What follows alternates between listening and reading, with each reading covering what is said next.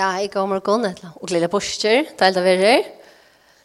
Uh, jeg ble spurt om uh, hva iverskriften var til uh, bådskapen til det var nok så viktig å finne, men uh, det går vi at tvinges til å finne iveskrutt til det, så tvinger man seg ganske øst til å finne det, og kan vel ta oss om.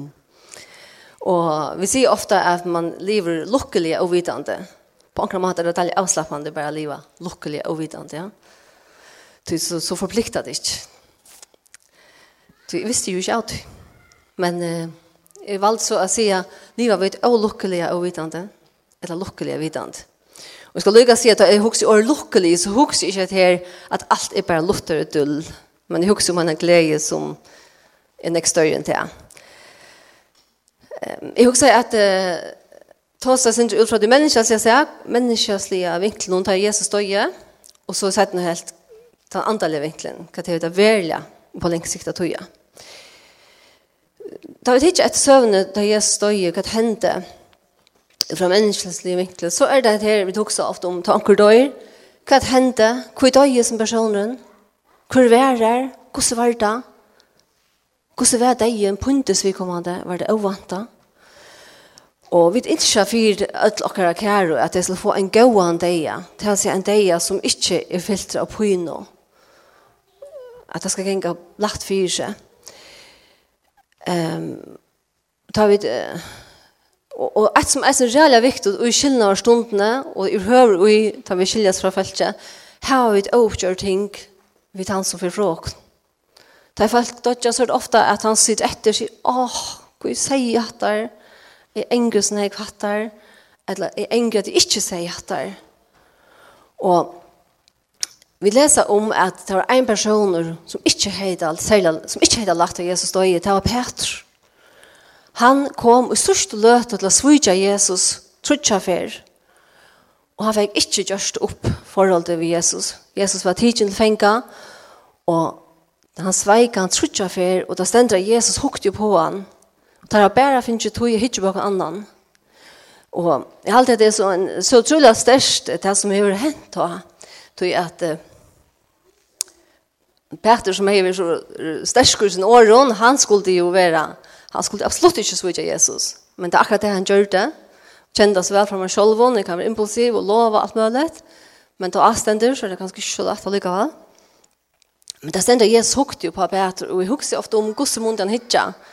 Hukte han för hanesliga, att det är det som vi visste om det. Eller fördömande. Jo, hallå, alltså, hur ser du det? eller var det vi karlæga. Og det er sikkert at han gjør det. Da sender Peter for ut, og han græt barskelig. Han engret, altså sa han.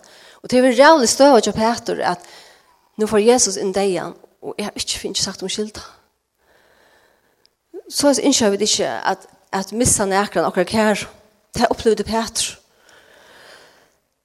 Det som, jeg ofta, opptrykker hun til hvordan en person dør. Det stender om Jesus at han, blev punter och vi fokuserar ofta på det här att han blev naklamester, han blev pushgower, slien, tornargrunder. Och det var allt rävligt. Det är inte vi inte förnekar som vi går i. Och han vill säkert att vi är närken, det är vanligt att uh, folk som blir krossfest var närken. Och det ständer ju at kläden blir delt i midtelen, midtelen tar delt och kläden i midtelen. Og det var en avfärtlig vann är han det Det ringas hoksande deg i kan kom ut för det. Sen vi vet att uh, från sövnen är romvärjar hade uppfunnit en deja som var så pynefotlar och så säger så längt in som möjligt till korsfästingen. Och det har hänt att deja Jesus fick. Så man kunde ända, det kunde täcka dejar dodge upp hända matan. Men Jesus, vi vet han döje, det som vi kallar länka frutja det. Och Israels folk hörde Mosele och här stod det att vann är att um, bandaur i som var hångt att säga. Så det var faktisk tvifalt vann era at dødja en kross. Så de som stod Jesus nær har opplevd en person som er gav i døyre på en sånn mat at de har vært rævlet. Hvor vær til Jesus er? Jo, her var det nekkfolk, kanskje flere hundra hermen, vil jeg summe være vi, og lærersvennene var her, men det stendte der flyttet. Det stendte det om Johannes, og han stod vid krossen til det sørste. Og så stendet det at några kvinner var her, der som høyde og tant honom. Tær var til det sørste, til han ble lagt ur grøvna. Tær hadde vi om han, så tær har helt sikkert kjent han ordentlig vel. Tær var med Anna Maria Magdalena som jeg opplevde at, at et eller annet var riktig ordene.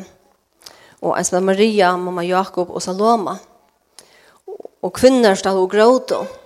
Det var et øyelig skil her, bare vi uh, nek von Herman och nøkker som var glad för det som hände och nøkker som hade rævlet. Det som eisen var helt særlig vi har som deg var at altså, all jøren var avvarska.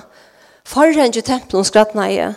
Det var gjerskjolte og grever åpna av oss og de riser opp, tryggvande folk riser opp og for en byen Og det var sola mysting og utrutja tøymer. Det er avhørst at det er sola mysting så lunge. Vanlig er det bare tjej og halva minutt. Og Og vanlig er det ikke hans årsens tog. Og flere mennesker blir frelst, så at jeg så at det må være sånn og godt. Det er så ekstremt. Et annet som er viktig, er da, jeg har følt dødja, det er at vi vet hva Luigi er. Det er så ikke så ringt som da jeg ta en person er døyr, og så er han vekk. Kvinner og Josef og Nicodemus fyllte Jesu, eller Josef og Nicodemus lødde Jesu en grøv, og kvinnerne fyllde oss, da visste du hva han la. Men, alt brøttes jo vidt av vidt. Jesus ble lagt i en nødtja grøv, og det var vanlig at jøder løtte og folk en firebilsgrøv, og så ble det flott sett i en ære grøv her, som ofta flere folk lå i. Og det var vanligt at det vi at gjør like min stand. Um, som det er gjørt.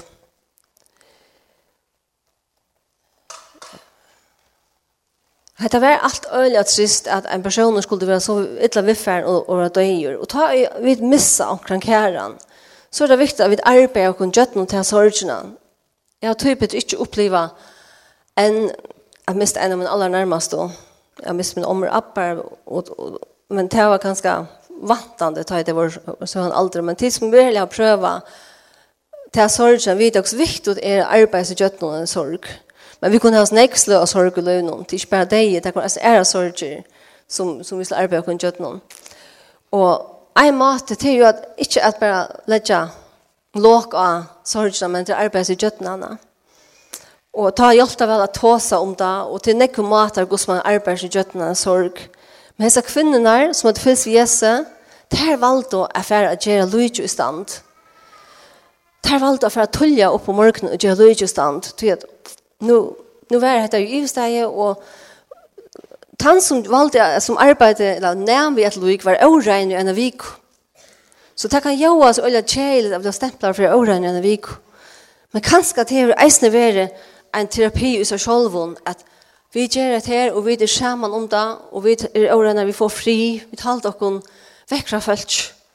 Det er ett eisen bruk for i sådana stövn. Det sender om kvinner, til får oss ut grøvene, og der hadde enkende orster vi, og nu skulle ta gjøre det her. Der visste at det var ikke avbjørnger av vennen. Det var en steiner fyr. Det var en forsikling som skulle brådes, og vakter stå her. Og lykke av for det. Jeg vet ikke hva det er å huske, hvordan dette problemet skulle bli løst. Jeg husker omfri meg, hvis jeg visste at jeg har sett avbjørngene hei så færre, Hei bare sagt at det er bryst til. Hva så der fyr her? Hatta snakka om gussi skulle gjera, skulle ivtala vakna, hvis du sier hattar, så sier hit eller hattar bie til god. Jeg minns da jeg bad, ta hugsa i alltid at jeg får ut, for jeg finner Jesus. Det er rundt og ut, og det er spent av hvor først fann Jesus. Jesus var rett for å gjøre oss. Men hvis det er høyt og tro til, så har det ikke haft engande orster og salvervis. Så har det heller haft en medbakke ganske, og rent leger, og ganske orster, rensa sarvia, plåster ganske, eller forbindinger. Det var der visste du slett ikke til Jesus for oss opp. Det var slett ikke det tanken. Det var arbeid gjøtten en sorg om en dag en person. Det var ordentlig tullig om morgenen. Sabbaten enda i leier kveld klokken seks, og, og tullig tullig om morgenen etter for det sted. Og ta jeg der kom ut her, ja. Ta, ta verden noe helt ovanta som hendte. Tan tær avbjørngar som ter hilda tær skulle møta, Tær var slett kjær. Jesus, han var risen opp. Steiner var velter fra.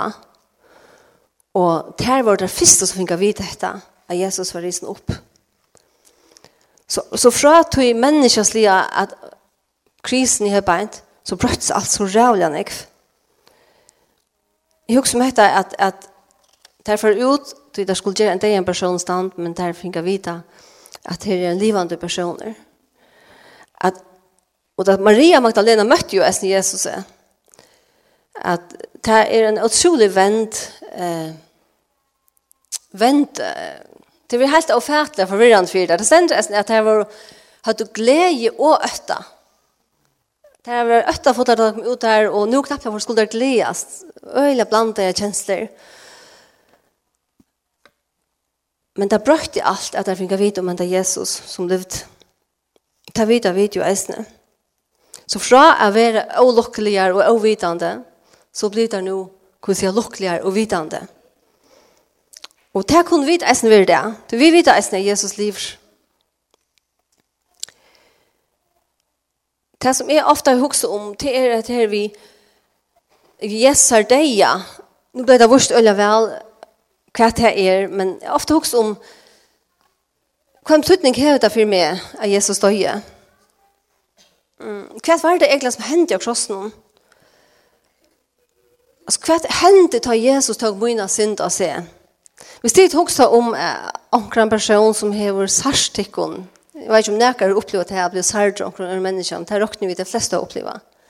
Som vi har opplevd djup svar som livet, og som kanskje er spart for det, men Jeg tykker vi har alltid opplevd at det här att omkring dere på imsa mater.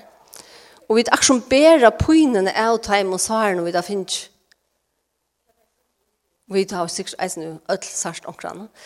Men ta i hukse om hva Jesus tog av seg så prøver vi hukse om ta pojna til selv vi omkring mest av synd. Han tog alt det av seg. Til okkom, til alle menneskene Alltså jag också om ta är hooks om också jag kan börja chatta av eller har uppleva sår eller besart går så allt här. Och det är en handling som är första. Jesus han tog alla hemsen sin, det som har hänt åren och nu och framöver. Och då tycker vi är att självt om det var rävligt att blåa nacklar, göden händer och pushgaver, så är det han på innan, det hon som var så rävlig. Min och tog en synd. Da jeg husker om det at han bær det. Tan skillnaden som vi vi har upplevt alt, sig vi tan skillnaden där ger mittel med och att människa tar sinter midlene vi er ikke på telefon mange. De kjenner ganske tjuna land eller en pair Hvordan hålde. Kan være, kom også inn, og til är bäst han intima langt. Og ta poänger. Så var akkurat støve, förhållande er for gott. Vi tar det ju förhållande gott. Vi kan ska låte som om vi tar det förhållande spalt og gå eller bo og men ikke etter en tema, tog at synden gjør det skyldene. Men ta og Jesus tog det av se, ta og det ble betalt for syndene, så kunne du atter komme inn i et intimt forhold til han. Og det er så utrolig alt det, at vi kunne ta sånn ikke om Jesus er det jeg kan tøyer, men at alt synder vil stryke ut. Og ett er at jeg kan parkere og lovlig, og få en parkeringsbåt så kan man se så är det ett ett. då. Jag har gjort något fel och jag får en straff. Det är ett ett. Nu är det ju det. Men det som Jesus gör det, han säger jag tar inte synderna bort och så tjänar aldrig mer. Jag vet inte att du gör det här som du snackar om gör, att du gör det gale. Jag såg att det pura regnan. Är det inte fantastiskt? Att, att ta og vid akar okkur sjolve, og satan akar okkur, og ånder minn okkur av forstøyna. Jesus er slik her. Han minnes ikke. Og jeg var møte i Gjørskvold, og da sier, eh, han der i halten av Rachel, eh, hun sier, hvis du akkurat til for gamle synder, så er du parste ved Satan. Hatt Hatter arbeid til Satan, og kan gå akkurat. Jesus akkurat ikke. Han har sett det fri hans her til regnen. At jeg ble bare så ordentlig, ja, hoksa der til at jeg vil kvart i parste ved Satan. Jeg kan ikke akkurat med Kjolvann. Så jeg vil lust etter jeg sier, du erst ønsken fordøming for det. Så jeg sier deg er grunnleie i jokker at trygg. Og du beter stendet deg at han reis opp at. Det stendet i Lukas 24 at uh, første dagen i vikene tullja og lysingene kom og tær til grøvene og høtte visser henne en gang de orsene utdøde gjørs til. Og der funnet steinen veltan fra grøvene.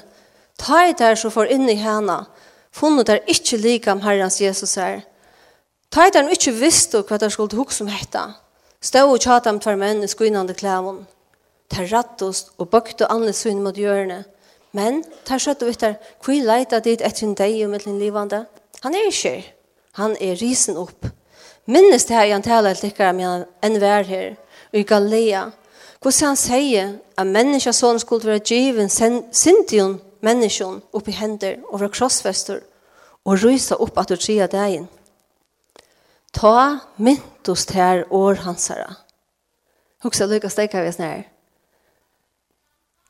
Jeg tog at jeg hadde tidlig året til som han er lars der, så kunne det minnes atre år.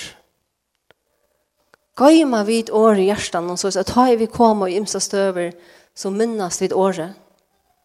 Vi kunne ikke minnes nekka så et ångan til jeg lars, eller ångan til oppleva hårst. Kom bare minnes det som er ferdig inn og har fest i åker hjerte.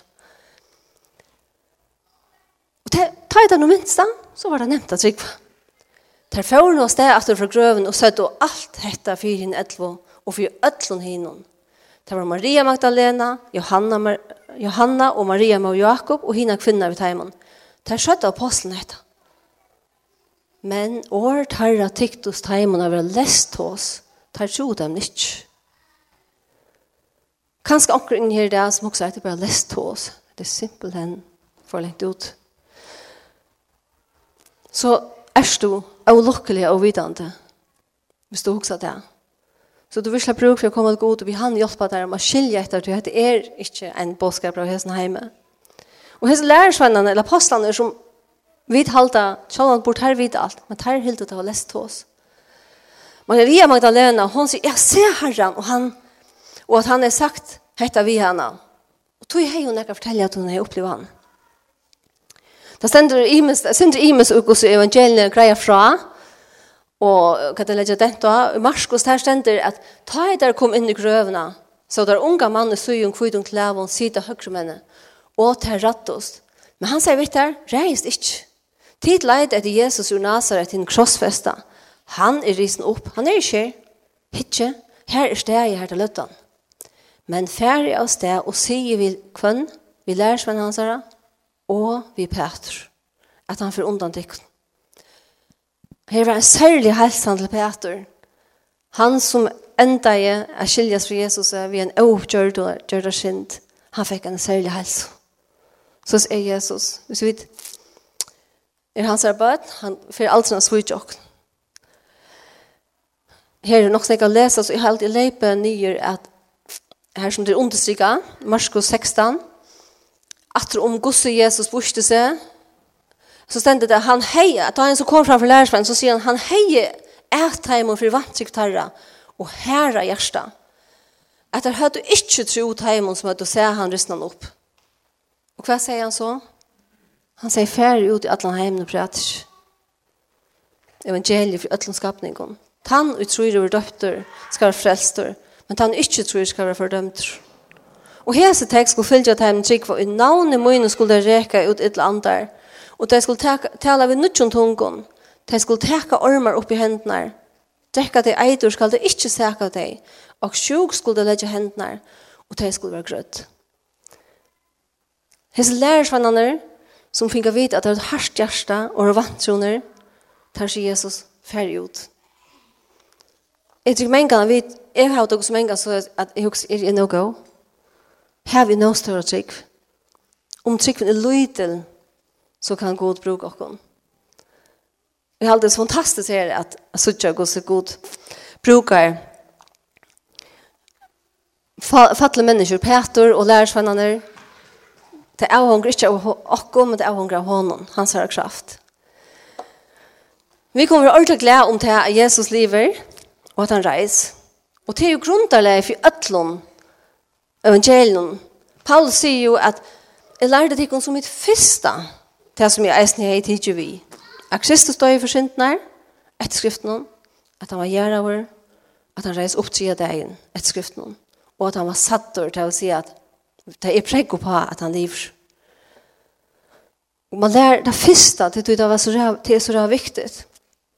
Og ta Jesus, det at han reis opp har vi jo alt å si for oss at han visste at lyften i halda, og at det er en livande frelser vi hava. Og at en dag så skulle vi eisen rys opp om Jesus ikke kom atter og æren. Og tankkraften som bor, som bor i Jesus, han reis opp, han bor eisen i oss Hoksa det nekker om det. Oppreist kraften, hon bor eisen i oss Det jeg vet har finnet et evet liv, det er ikke bare noe som mennesker selv blir til, men det er en, en kraft, en nytt liv. Og vi sier ikke at Jesus var ikke en vanlig menneske, han var sånne gods.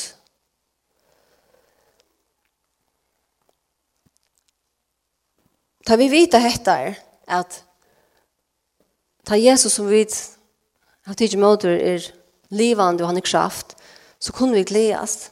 Så pjøs vi ikke en gang nye bøkten høtten.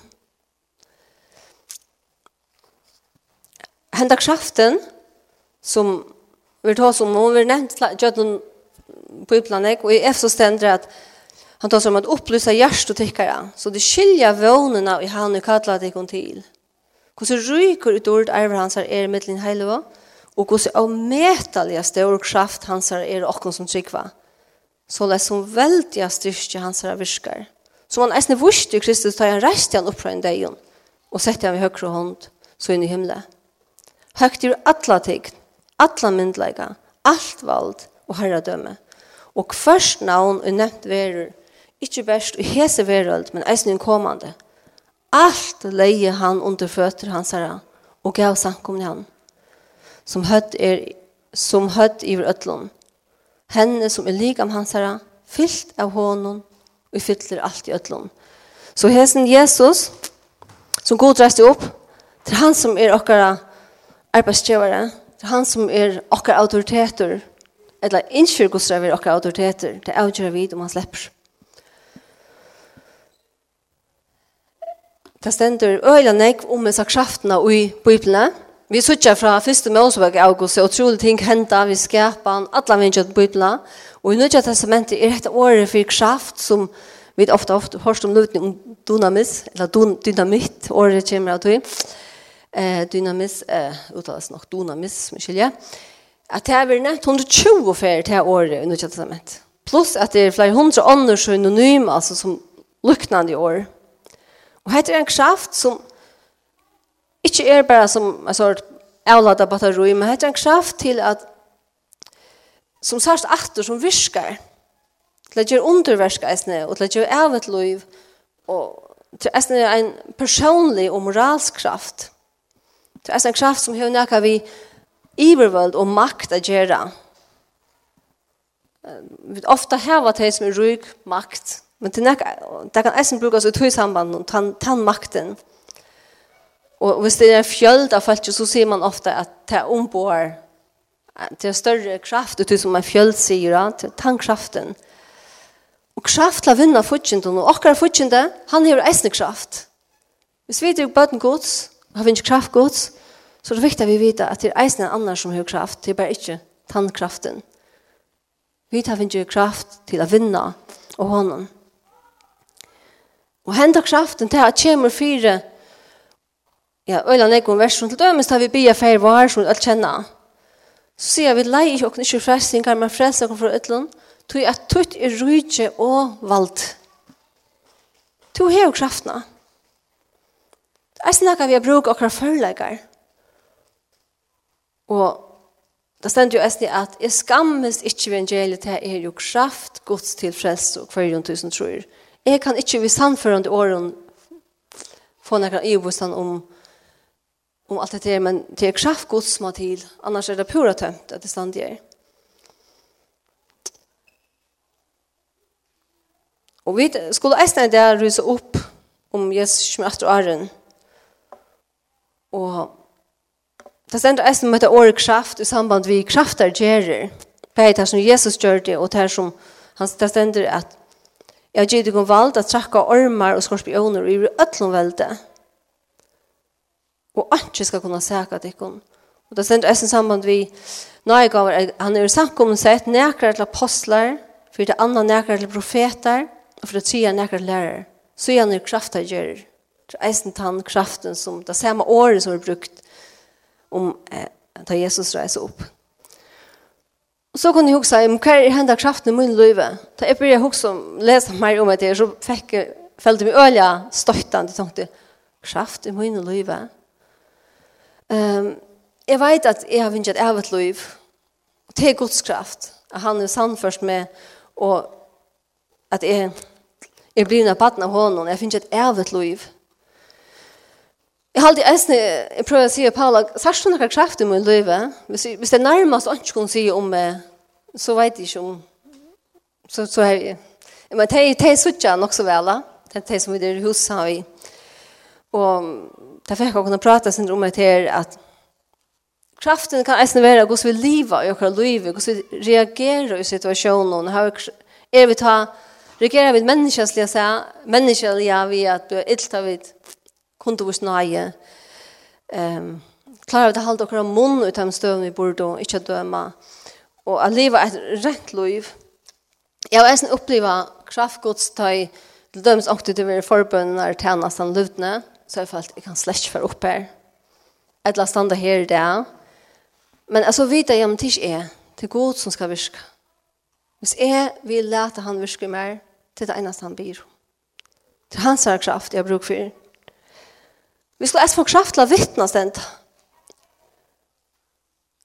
Så det har vi eisen opplevd, selv om vi kunne, det kunne være nekk mer av tog, men jeg får kraft til å vittne, Til skulle Eh, också det sända aposteln i 8 Men det är att kraften är att ge och kon Ger ger och ja men tills skulle få kraft eller anden kommer i vertikon kon och tills skulle vara vittne munne. Vi kunde inte vara vittne utan hans kraft. Jeg kan ikke si at jeg har opplevd at jeg har trakket skorpioner og kraft, gjørs kraftagerer. Kanskje tror jeg for lite etter at jeg har etter Guds kraft. Vi skulle eisen troa, hvis vi ikke forventa og ikke troa etter, så, så kommer vi fram for god på en helt annen måte. Kanskje vi forventa bare å komme til en tomme grøv i kvørst. Hva forventa vi? Finna noen løgnkleier, eller vanta vi en livande Jesus som fotter av kraft? Det er nekva sier hvordan okker hukbor er at du gjørst.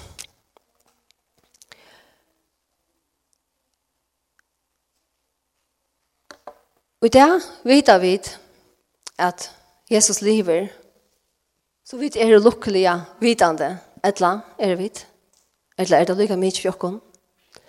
Vi kunne leva av lukkelige og vidande, vi vet oss lytte og ta fer bare fram vi. Her var vi nekra vitan i høver, nekra som vi kunne minnas atra.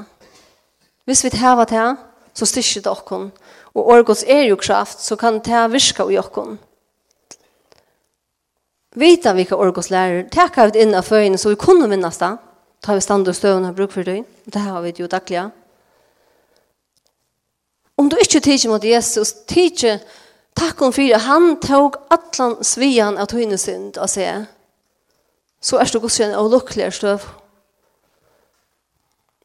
Ein dag så skulle vi alle møte gode, ta bara spurningar om du ska betala, betala för dina synd eller om du tidsje i måte tilbund om at Jesus betalte dina synd.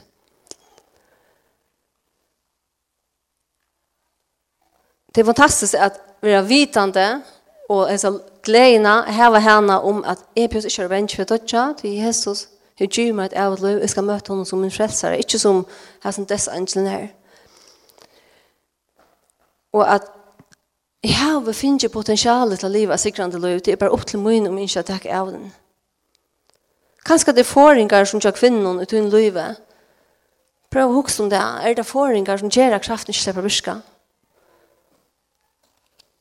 Jesus er ikke god til at slippe virke i okken, men vi må så velge om vi løyve hånden av virka.